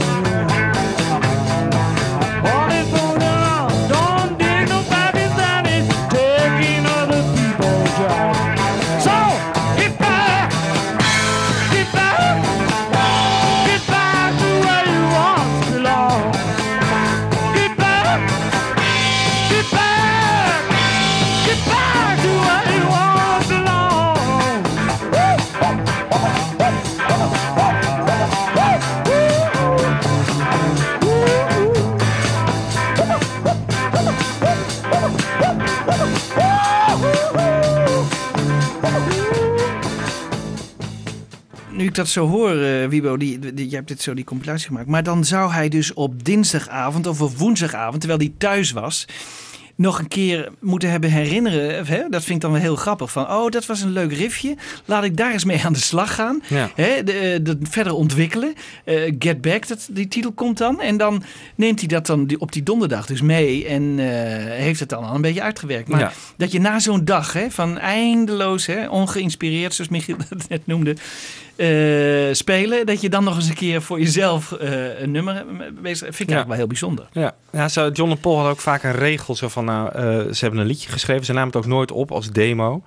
En gingen dan pas voor de eerste keer dan weer in de studio het nummer spelen. En ze zeiden dan altijd van, ja, als we het na een paar dagen niet meer weten, dan is het ook geen goed Ja. nummer. Ja, dat was voor hen een eh, Ja, nee, dat is bij dit waarschijnlijk ook. Dit was waarschijnlijk zo goed dat hij dat gewoon nog wist, Ja. een paar dagen later. Ja. Ja, Ja. Overigens, die, die Puerto Rico, eh of de Pakistani-versie in de Puerto Ricans, dat was iets dat die ochtend in de krant eh, stond. Hè, over, eh, Want die waren natuurlijk van het British Empire, hè, de, de Pakistanen. En er waren van, die hadden ook een visum om in Engeland gewoon vrijelijk rond te lopen en banen te zoeken. Waardoor de banen van de echte Engelsen, zoals ze dat dan zeiden, in het gedrang kwamen. En, en de, de minister-president heeft daar dan wat over gezegd, s ochtends in de krant. En dat ja, Paul natuurlijk gelezen. En eh, die verwerkte dat eh, in een soort... Ja, Gelijk in een nummer. in een nummer, ja. Omdat hij nog geen, eh, Geen tekst, tekst had. had. Ja. Ja. En later is dat inderdaad is het dan wel nagedragen, die, eh, die opname. Dat Wat, die- wat ook wel wordt gezegd is dat Sour Milk Sea een inspiratie zou zijn geweest. Hè? Daar zit het, eh, het, de zin in: Get back to where you should be. Find out what's going on there. Nou, in ieder geval, daar zit de, de, de frase get back in. En dat was ook nog vrij kort daarvoor opgenomen. Dus dat wordt ook als een mogelijke bron van inspiratie voor Ja. de titel Get Back aangedragen. Ja. Ja. Tucson, Arizona komt al voor, hè? Omdat die eh, vorige man van eh, Linda daar eh, woonde. Oh. Melvin C. En, en Ja. dat, eh, ja, da- daar schijnt het ook op geïnspireerd te zijn. Ja, en California Grass zat er ook al in. California Grass. Ja. Nou, het ging die dag, die 7 januari, eh, niet zo heel lekker, dat had ik al gezegd. Ehm, er wordt zelfs op een gegeven moment, eh, George is dan zo gefrustreerd door het gebrek aan aandacht voor zijn liedjes, eh, dat hij een scheiding voorstelt. En Paul, die, ja, die zegt van ja, het einde is inderdaad wel nabij. What I was saying about the songs was like the reason, you know, like I've got about 20 songs from 1948 was because I knew very well the moment I bring them in the studio that there they- it's gone, you know, and uh, so I never, and like slowly now I can bring a couple out because it's, I can get it more like how it, it should have been then. And that's, you know, it's you know, it's like, it's just. See, it doesn't matter what's going wrong. It really doesn't matter. As long as the four of us notice it. And, Well, and we've determine- noticed it all right. No, but and, you know, instead of just noticing it, determined to put it right. You know, because that's what I, that's what I'm onto. Maybe we should have a divorce. Well, I said that at the last meeting. But it's getting nearer, you know. Who'd have the children? Dick James. Oh, John loopt er de hele tijd een beetje doorheen te riffen. En Ja. eh, maakt dan op het eind een grapje van, nou ja, als we dan gaan scheiden, wie krijgt dan de kinderen? Wat me wel ook wel een beetje opvalt, is dat er gewoon een gebrek aan communicatie is tussen eh, de bandleden. Van, dit ja, af en toe wordt er wel gewoon wat, wat zere punten aan eh, gestipt. Maar George zegt ook niet gewoon keihard van, kom op, ik wil gewoon dat jullie mijn nummers gaan spelen en dat dat met respect behandeld wordt. Nee. Het blijft allemaal een beetje onder de oppervlakte. En ik, ik kan me ook een verhaal herinneren over de Anthology-series. dat George dan uitlegt eh, in een interviewsegment van eh, hoe hij zich destijds voelde. Dat hij zijn nummers niet geaccepteerd eh, werden. En dat hij daarom eh, Eric Clapton op een gegeven moment bijhaalde en Billy Preston. En dat hij dat, die, die, die montage samen met Paul aan het kijken was in een, eh, in een studio. En dat Paul zei, ik wist helemaal niet dat jij er zo over dacht, joh. En dan denk ik van, hoe kan het, weet je wel? Ja. Ja. Hoe kan het? Nou, ik denk dat Paul McCartney altijd wel erg met zichzelf bezig is geweest. Dat is, Precies, en hij, ja, hij zette zich natuurlijk volledig in voor zijn eigen nummers. Eh, dat spreekt voor zich. Ehm, maar ik krijg ook het gevoel dat als George een keer met een nummer kwam, dat het op een of andere manier eh, werkte het niet of zo. Het Nee. schijnt ook dat ze op vrijdag 3 januari nemen ze iets van 37 keer All Things Must Pass op. Ja. En het, het loopt niet. Op een of andere Nee. manier is de vibe er niet of zo. En Nee. dan, eh, ja, Misschien ook niet een 100% meewerken van McCartney en Lennon aan die. Nee. Want Harrison had toen een hele creatieve periode. Hij heeft prachtige Ja. nummers gespeeld, Mhm. gecomponeerd in die tijd. Hè, dat kwam eigenlijk al op eh, in die, in die Ja, White, Let eh, It album. Down ook, geloof ik. Is in de Pity Ja. stamt alweer van een paar jaar ervoor. Ja, hij zei zo'n net, Wawa, dat dat- dat toen Ja. is Ja. The Pity, All Things Must Pass. Dus de een na de andere nummer kwam daar, eh, Something even later. Dus eh, het is echt ongelooflijk wat hij toen... eh, en, en, en, maar ik heb niet het idee dat zij dat zagen of dat ze dat wilden zien. Of ja... Er was eh, toch wel pas bij Abbey Road, hè, komt dat Ja. een beetje boven water, Ja. maar ja, dan is het toch is het verbazing. Met name bij zo'n nummers All Things Must Pass, daar verba verbaas ik me echt over. Ja. Dat had Ja. ook op Let It Be kunnen staan. Prima. Ja. En, Ja, eh, beslist. Misschien Ja. waren zijn nummers soms wel een beetje neerslachtig of zo. Niet zo, is dit een pity? Ja, daar word je ook niet zo vrolijk van. Hè? Het is Nee. geen uh, opla die, opla daar. Dat is natuurlijk niet per definitie de, de maatstaf. Maar eh, eh, ja, Ja. een beetje neerslachtige nummers. soms. Ja, het is ook wel wat Jan Kees zegt. Het lijkt inderdaad wel alsof, zeker Paul ook, ja, ze, ze, ze, ze oefenen dat wel, maar er komt ook weinig nieuws bij. En het is, Ja. laten we het maar weer doen voor de lol van George. Ja. Ja. Maar er wordt niet echt op ingezet door, Nee. de, door Paul McCartney en, eh, en John. Nee, jammer. Daar was meer van, Ja, meer zeker. maken. Maar ja, ik vraag Hij me hield wel er af. wel een, eh, een mooie debuut solo plaat en over. Precies. Nou, dat is zeker. Dat, is waar. Nou, Ik had me wel afgevraagd als ze nou nog na Abbey Road bij elkaar waren gebleven. Want Abbey Road is natuurlijk wel echt de doorbraak van George in de Beatles geweest. Als, als volledig eh erkend songschrijver. Zelfs Lennon prees toen Something van, nou dit is het beste nummer van de plaat. Ik vraag me dan af, is deze periode dan gewoon een soort... Iets, is dat nodig geweest om George echt volwaardig te laten zijn? Want ja, John en Paul waren natuurlijk al ellenlang bezig met z'n tweeën om de songs te schrijven. Want George kwam eigenlijk net een beetje kijken. kwam net een beetje op datzelfde niveau. Ja. Dus misschien als ze waren doorgegaan, Ja. dat het, eh, ja. Ja. Maar misschien waren de ego's ook alweer te groot. Die hadden dat nooit toegestaan. Ja. Ehm, we gaan nu naar woensdag 8 januari. Eh is natuurlijk weer lekker eh, neerslachtig allemaal. George komt met I Me Mine. Eigenlijk wel een beetje karakteristiek eh, voor eh, ja, het ego-fest dat eh, deze hele sessies kenmerkt. Dezelfde nummers als de dagen daarvoor komen een beetje voorbij. Ehm, ik weet niet of jullie de film Let It Be zo op je netvlies hebben. Daar zit een, ehm, een versie in van Two of Us. Een beetje een uptempo versie met John en Paul. Die allebei bij dezelfde microfoon staan. En eigenlijk een soort ja, duet eh, zingen. En eh, daar erg heel veel Ja, dan hebben plezier ze heel veel plezier Ja. erin, hè? Dan, Ja. dan, Dat is ja. erg leuk om te zien. Ik vind het een fijne eh, versie. Eh, in de film is die eh, geëdit en eh, hier natuurlijk niet.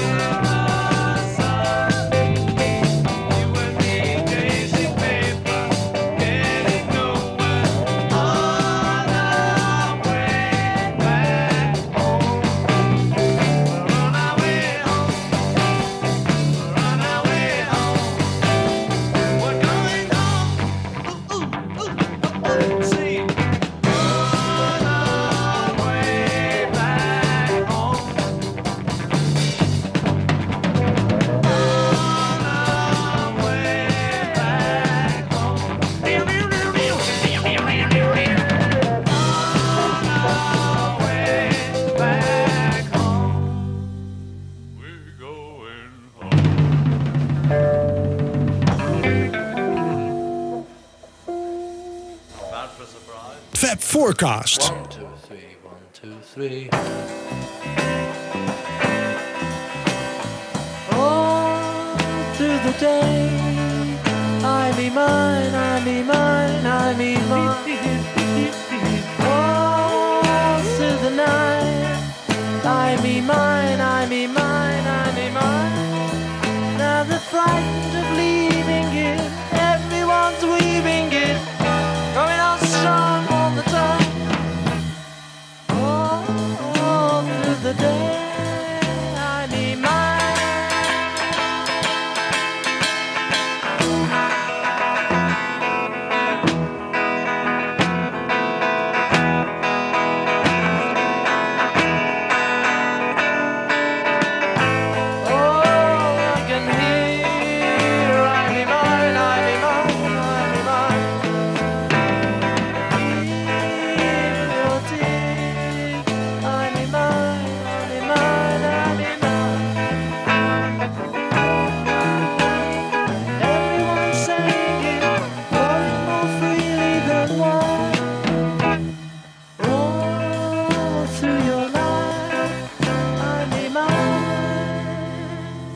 Vertel even, want we hebben helemaal aan het begin van deze show al naar I'm in Mine geluisterd. En wat was, wat was die versie dan? Dat hebben we volgens mij niet eens even toegelicht.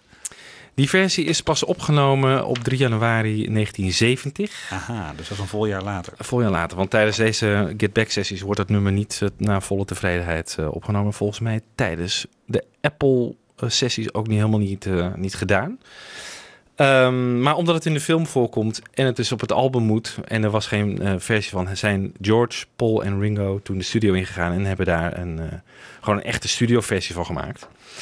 Laatste moment dat de Beatles bij elkaar in Ja. de studio waren. De, de Beatles. Ja. Allerlaatste moment. Ja, John was heeft- op vakantie in ja, eh, Denemarken. Ringo heeft daarna nog een paar nummers ingedrumd. Hè? Dus Ah, die, ja. eh, En George ja. heeft nog een solo gespeeld van Let It Be later nog. Ja. Ja. Ja. Maar de laatste officiële Beatles-sessie was dat inderdaad. Maar hier in dit eh, gedeelte van, eh, of deze versie van I'm in Mine zit nog een soort flamingo-gedeelte. Oh ja. Dat Ja. er later is uitgehaald. En dat is op verzoek van eh, Paul McCartney geweest. Want die komt op een gegeven moment tijdens deze eh, 8 januari met een voorstel van... waarom ga je dat niet meer een rock'n'roll-achtig eh, stuk inbrengen?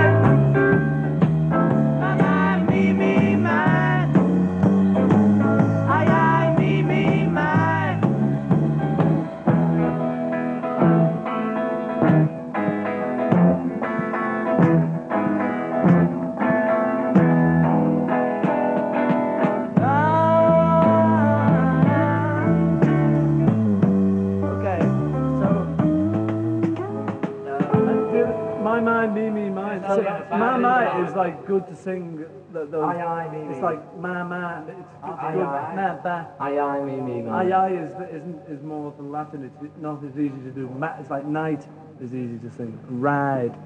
The ma is easy to, like uh, ma, ma, ma. Easy to shout. But it'd be. My, what's yours? My, me, mine. Is it? It's I, me, mine. I, me, mine. Ah. Maar grappig hè, dat Paul dus net als bij Don't Let Me Down eh, van John eh, daarin structureert. En hier eh, gewoon een, een refreintje voor George bedenkt eigenlijk. Ja. Dus toch wel enthousiast voor Ja. andermans nummers. ja, Dus eigenlijk een co-write eigenlijk. Ja. Eigenlijk een beetje wel, ja. Eigenlijk, Ja. Overigens klinken ze hier wel weer geïnspireerd. Ik bedoel, ik, ik heb niet het idee dat hier nou een ruzieachtige sfeer is of zo. Nee, maar dat is volgens mij wat Dennis Dekker ook in zijn boekje schrijft. Die zegt van nou, het, eh, uiteindelijk komt ook heel vaak het beeld naar boven van een groep die het ja, wel eh, met elkaar naar de zin heeft. Ik, ja, het is een beetje een soort mengvorm tussen enorm, enorme miserabele sessies en eh, toch wel één spelplezier, ja, denk ik. Ja. Nou, die volgende dag, de donderdag 9 januari, eh, gaat de stemming inderdaad weer ietsje omhoog. Er wordt zowaar progressie eh, eh, geboekt met eh, Don't Let Me Down, Two of Us, I've Got a Feeling. En Wouter heeft van deze dag een eh, verzoekje van George eh, ingediend bij ons. Eh, welke gaat het worden, Wouter? Eh, For You Blue.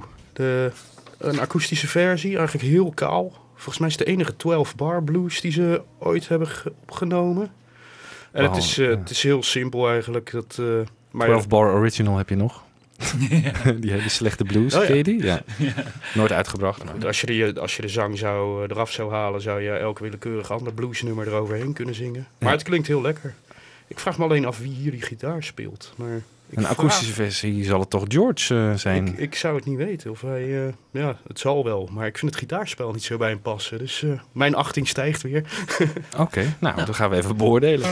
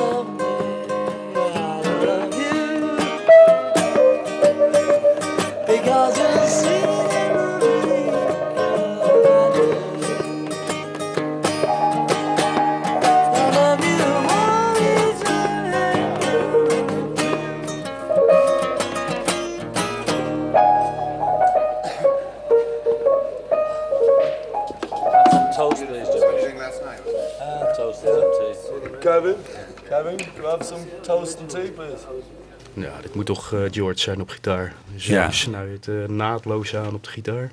Ja, Ja, dat is George, zeker weten. Ja. En in het origineel, daar refereert hij ook nog aan Elmore James. Hè? Wie is dat? Dat is, eh, dat is een, eh, een, een, een bluesgitarist uit de jaren 40, 50. Maar die, eh, die is vooral bekend van, eh, van zijn slidegitaar die hij Ja. speelt. Wat dus ook in de, in de studio-opname zit. Dus dan refereert hij eigenlijk aan John, die op dat moment die sluitgitaar speelt. en dan dat zegt hij van, ik, ja. ja. Die was in die tijd ook wel een stuk bekender geworden. Die werd weer opgerakeld. Vooral omdat eh, Jimi Hendrix zei in die tijd heel erg dat dat een van zijn grote voorbeelden Aha. was. Dus, Oh, ja. eh, Dus het was een bekende figuur voor de Londense rock scene. Ja. Ik zit in één keer te denken, wat zou je toch van zo'n Let It Be een leuke selectie kunnen maken? hè? Ik bedoel, we hebben nu al zoveel leuke nummers gehoord. Als, die staan staan allemaal op film. Dus daar zou je toch Ja. een prachtige film van Ja, kunnen maken zeker. eigenlijk. Waar je ontzettend veel plezier eh hè, ziet eh, hoeveel... de- Ja, want als je naar de Anthology kijkt, het is een selectie van, ik bedoel, het is natuurlijk eh, eigenlijk idioot dat je 100 uur moet terugbrengen tot 10 nummertjes. Eh, ik bedoel, je mist, ik vind het toch heel leuk deze exercitie die wij doen. Ja. Om eens te kijken van wat is er nog meer te halen in die sessies. Ja. En ik heb nog steeds het gevoel dat we twee vergelijkbare shows kunnen maken met nog meer dingen. Ja, absoluut. Toch? Ja. Ja. Ja, wel meer, ja. Ja. Ja, wat Jan Kees bedoelt is inderdaad die beelden die je dan ook in Anthology, de videoserie zag. Die zijn dan zo mooi, die niet uit de film komen. Ja. Die zie je dan zo mooi. Van, er ligt zoveel filmmateriaal ook. Ja. En als je dan ook de wat, ja, de Beatles willen dan graag een positief imago uitstralen. En dat is ja, om de, door de hele zweem die rond de Get Back sessies hangt van over negativiteit. Ja. Dat begrijp ik dan ook wel. maar ik denk van ja, Ja, maar, het maar- zou- je kunt, voor hetzelfde geld kun je ook een hele leuke selectie Ja. maken. Met Ja, allemaal, dat kan ook. Ja. Dus er Ja. is genoeg leuk materiaal, genoeg Ja. eh, vrolijkheid ook nog wel te bekennen. Ehm, maar die vrolijkheid was op vrijdag 10 januari eh, weer te zoeken.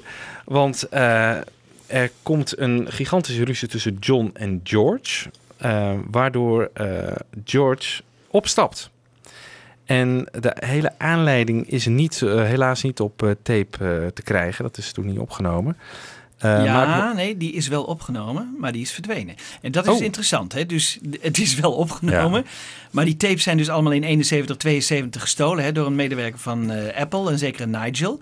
Maar toen was hij al weg. Dus die, die tape, die is op een of andere manier, hebben ze die toch al, al in 70 of zo al weggehaald. Dus eh, het is opgenomen. Het ontbreekt ook. Hè. Je kunt het aan de take-nummers en, en, en Mhm. kun je het zien dat er, dat er een, een band is geweest op dat moment. Maar hij, hij is weg. Hij is gewoon weg. Dus, eh, Ja, dat schrijft Dennis trouwens ook in zo'n boekje. Die zegt van, eh, ja, opvallend genoeg eh, missen we nou net, Ja. helaas, dit Ja. pikante fragment eh, waarin de, de ruzie tussen John en George. Ja, en dat is Weet ook wel- helemaal niet, eh, is ooit iemand geweest die nog heeft verteld waar het over ging of eh, wat de aanleiding was? Nee. Waarschijnlijk gebrek aan respect voor Gebrek zijn heroïne. Ja. Gebrek aan Ja. heroïne. Ja, nee, wel. volgens mij, ze wilden er ook liever niet meer over, de Beatles zelf wilden er niet meer over praten. Nee. Dan zou het Michael Lindsay Hawk moeten zijn, maar mm, ja, weet ik niet. Die eh, heeft ook nooit veel over die film losgelaten. Nee. Dus het, is nog interessant. Het is nog Ja. interessant. En Ja. over gestolen tapes gesproken. Ik weet dat ik volgens mij rond 2004 of zo kwam in het nieuws dat er hier in Nederland zou dan een bak Ja. van die tapes eh, opgedoken Ja. zijn en in Ja. beslag genomen. Maar Ja. Is wat is Jan daar Kees, eh, eigenlijk geweest, van? Ja, dat is een heel verhaal geweest. Maar kijk, eh, die Nigel, die dat dus in 71, 72 heeft gestolen, die heeft kopieën gemaakt. Van al die tapes. En hij heeft, van elke tape heeft hij twee kopieën gemaakt. En de ene heeft hij aan Amerika verkocht, aan bootleggers, en de andere aan Nederlandse bootleggers verkocht. En op een gegeven moment eh, wilde Apple graag die tapes weer terug. Want ze waren met die Anthology eh, bezig. En toen dachten ze, en toen met eh, later met Let It Be Naked. En ze, ze merkten dus dat al die tapes waren verdwenen. Ze hadden die tapes niet meer in hun bezit. Dus ze wilden die terug hebben. En ehm, toen heeft Nigel eigenlijk aangeboden aan eh, Apple dat hij ze wel terug kon leveren. En eh, die hebben toen een hele val opgezet. Oké, zeiden ze, dan eh, werken we met jou samen. En dan gaan we naar eh, Nederland toe. En daar zijn mensen die, die bootleggers, die willen dat wel terugverkopen. Die hadden alles al lang op cd natuurlijk gezet. Maar die, die, de originele tapes, die overigens niet origineel waren. Want dat kan ik weer verklaren, omdat ik het ooit gecontroleerd heb. Maar dat waren niet originele tapes, maar ze dachten dat het originele tapes waren. Maar het waren kopieën.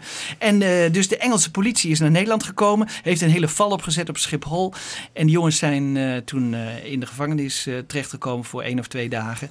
En later is die hele affaire doodgebloed. Want eh, ja, ze konden niet eh, eh, eh, voor de rechter echt bewijzen dat het de, de originele tapes waren. Het waren overigens ook niet de originele tapes. Want dat kun je weer controleren door een techniek die erop zat. Er zat pilotoon op en dat zat er niet op. Afijn, je kon, ze konden er niks Ja. mee eigenlijk in Engeland met die tapes. Want het waren kopieën.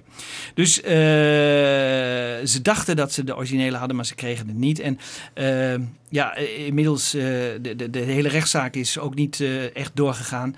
En, uh, maar ze krijgen ze ook niet weer terug, de, degene die ze in Nederland hadden. Die, uh, want ja, het, het, was in wezen hun bezit en Ja. ze mochten het hebben, want het waren niet originele. Dus eh, dat is wel interessant. En Amerika heeft ook eh, een aantal. En er zit een klein verschil tussen Amerika en Nederland.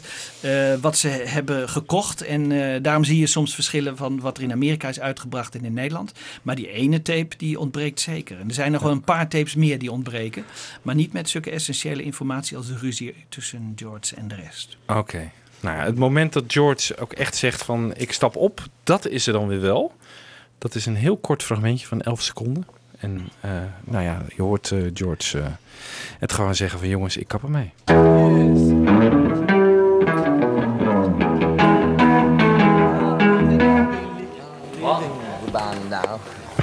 When? Now. Ja, ja heel kort. Kort maar krachtig. Ja. Living the Band Now. Ik weet niet of jullie dat boek eh, eh, George Harrison Living in the Material World hebben, naar aanleiding van Ja. die film. Daar staat dus een afbeelding van zijn agenda van die dag. Daar staat dan bij het lunch left the Beatles. Ja. Verder niks. Ja. Echt briljant. Ja. geweldig. geweldig. Nou ja, eh, Hij is daarna, het schijnt, meteen naar het huis van zijn ouders gegaan. En, eh, naar Liverpool is hij gegaan. en hij heeft klopt, later gezegd dat hij daarna ook meteen eh Wow Wow had geschreven. Oké. Dat, wat hij heeft genoemd naar dat pedaal waar hij de hele tijd eh, mee zat te rotzooien. Maar hij zei, het heeft twee verklaringen. Hij noemde Wawa, was ook zijn vertaling van de gonzende koppijn die hij had gekregen Ja. door Ja. die sessies ervoor. You're giving me a wawa. Ja, ja, Ja. precies. Nou ja, de, de rest van de boys, eh, John, Paul en Ringo, die, eh, die gaan gewoon verder. Vooral John lijkt redelijk onaangedaan. Eh, en Joko eh, ziet haar kans natuurlijk en eh, gaat achter de microfoon staan en eh, zet het op een gillen.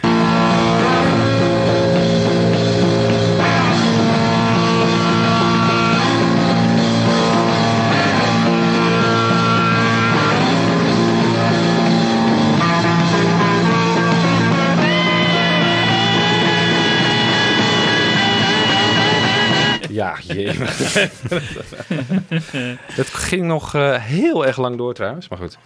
Verschrikkelijk. Ja, er zijn ook beelden van. En eh, Paul die staat echt met zijn bas zo tegen de, tegen de versterker aan te zodat om feedback te creëren, piepende geluid. Ehm, wat ik al zei, John lijkt echt onaangedaan door het vertrek van George. En die ehm, stelt op een gegeven moment gewoon voor van ja, als George op maandag niet eh, terug is, dan halen we Eric Clapton er lekker bij. See, maybe for the for the show, I mean, you could just say George was sick. No, I mean, if he leaves, he leaves. But what is the consensus? Do you want to go on with the show and the work? Yeah, Yes. if he doesn't come back by Tuesday, we get clapped.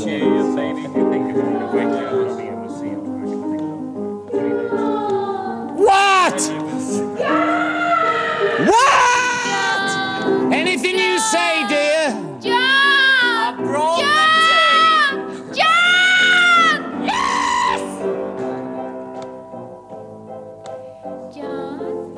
Yoko. John! Yoko! John! Yoko! John! Stop that. John! I'm afraid he's not in. John! John! I'm afraid he's not in, zegt Ringo. Overigens, die Michael Lindsay Hawk, die, die moet natuurlijk wel gedacht hebben. Aan de ene kant, ja, eh, wat gaat er gebeuren? Maar aan de andere kant eh, was hij ook getuige van de, de, hè, Ja. de splitsing van de Beatles. Hè? Dus Ja. eh, hij, hij maakte wel historie. Ja, ik denk dat daarom is waarschijnlijk ook die vraag eh, meegenomen. Hè? Want dit is allemaal gefilmd.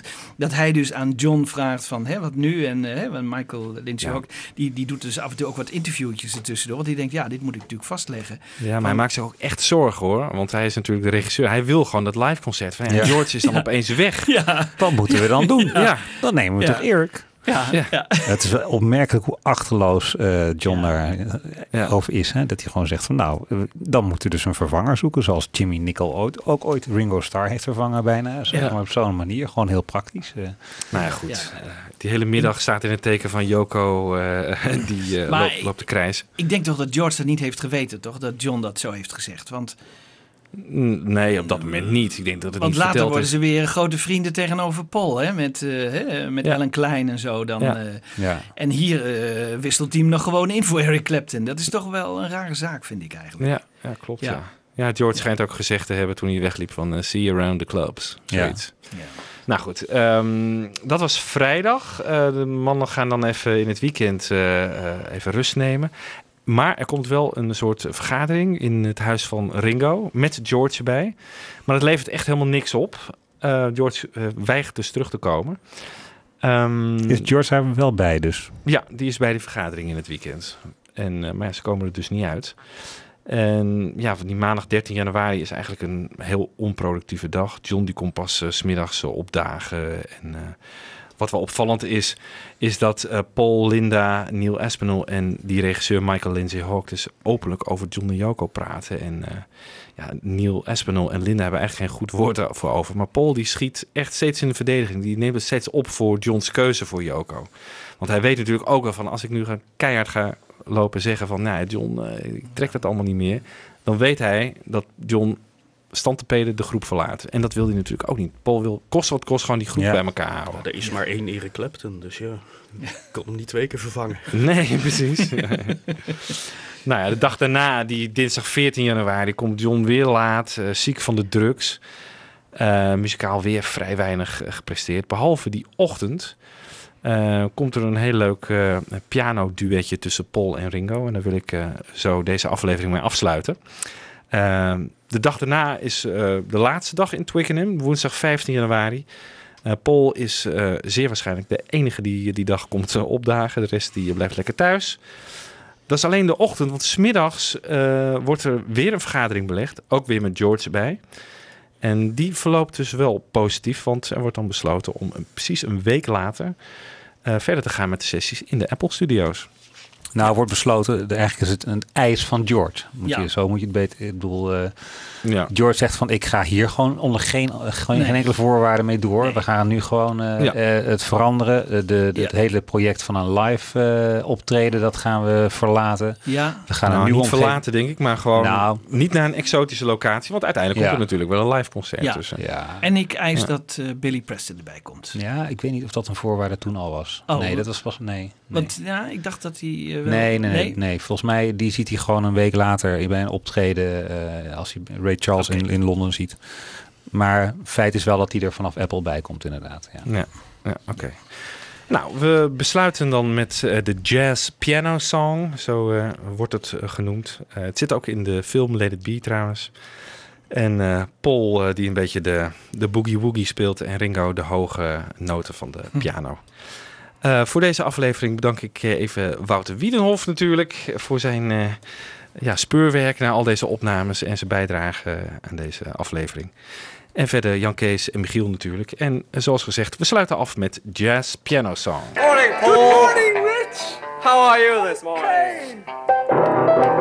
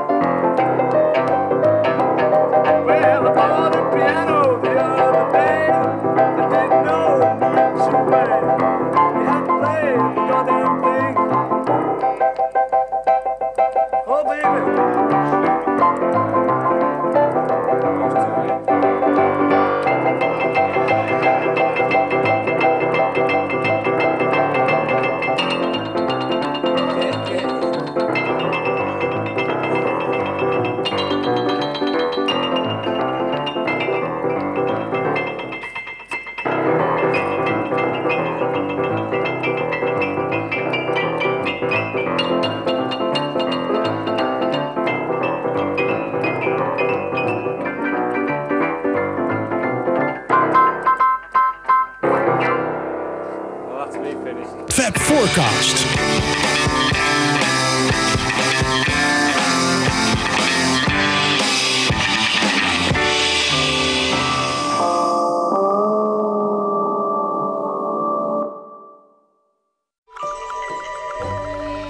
Dit was een podcast van de Avro. Wij maken tientallen podcasts per week. Van klassiek tot pop, van actueel tot Avro-archief en bijzondere radio-uitzendingen en speciaal voor podcast gemaakte programma's. Kijk op avro.nl slash podcasting voor een compleet overzicht. Wij bieden als luisteraar alle vrijheid, nu en in de toekomst.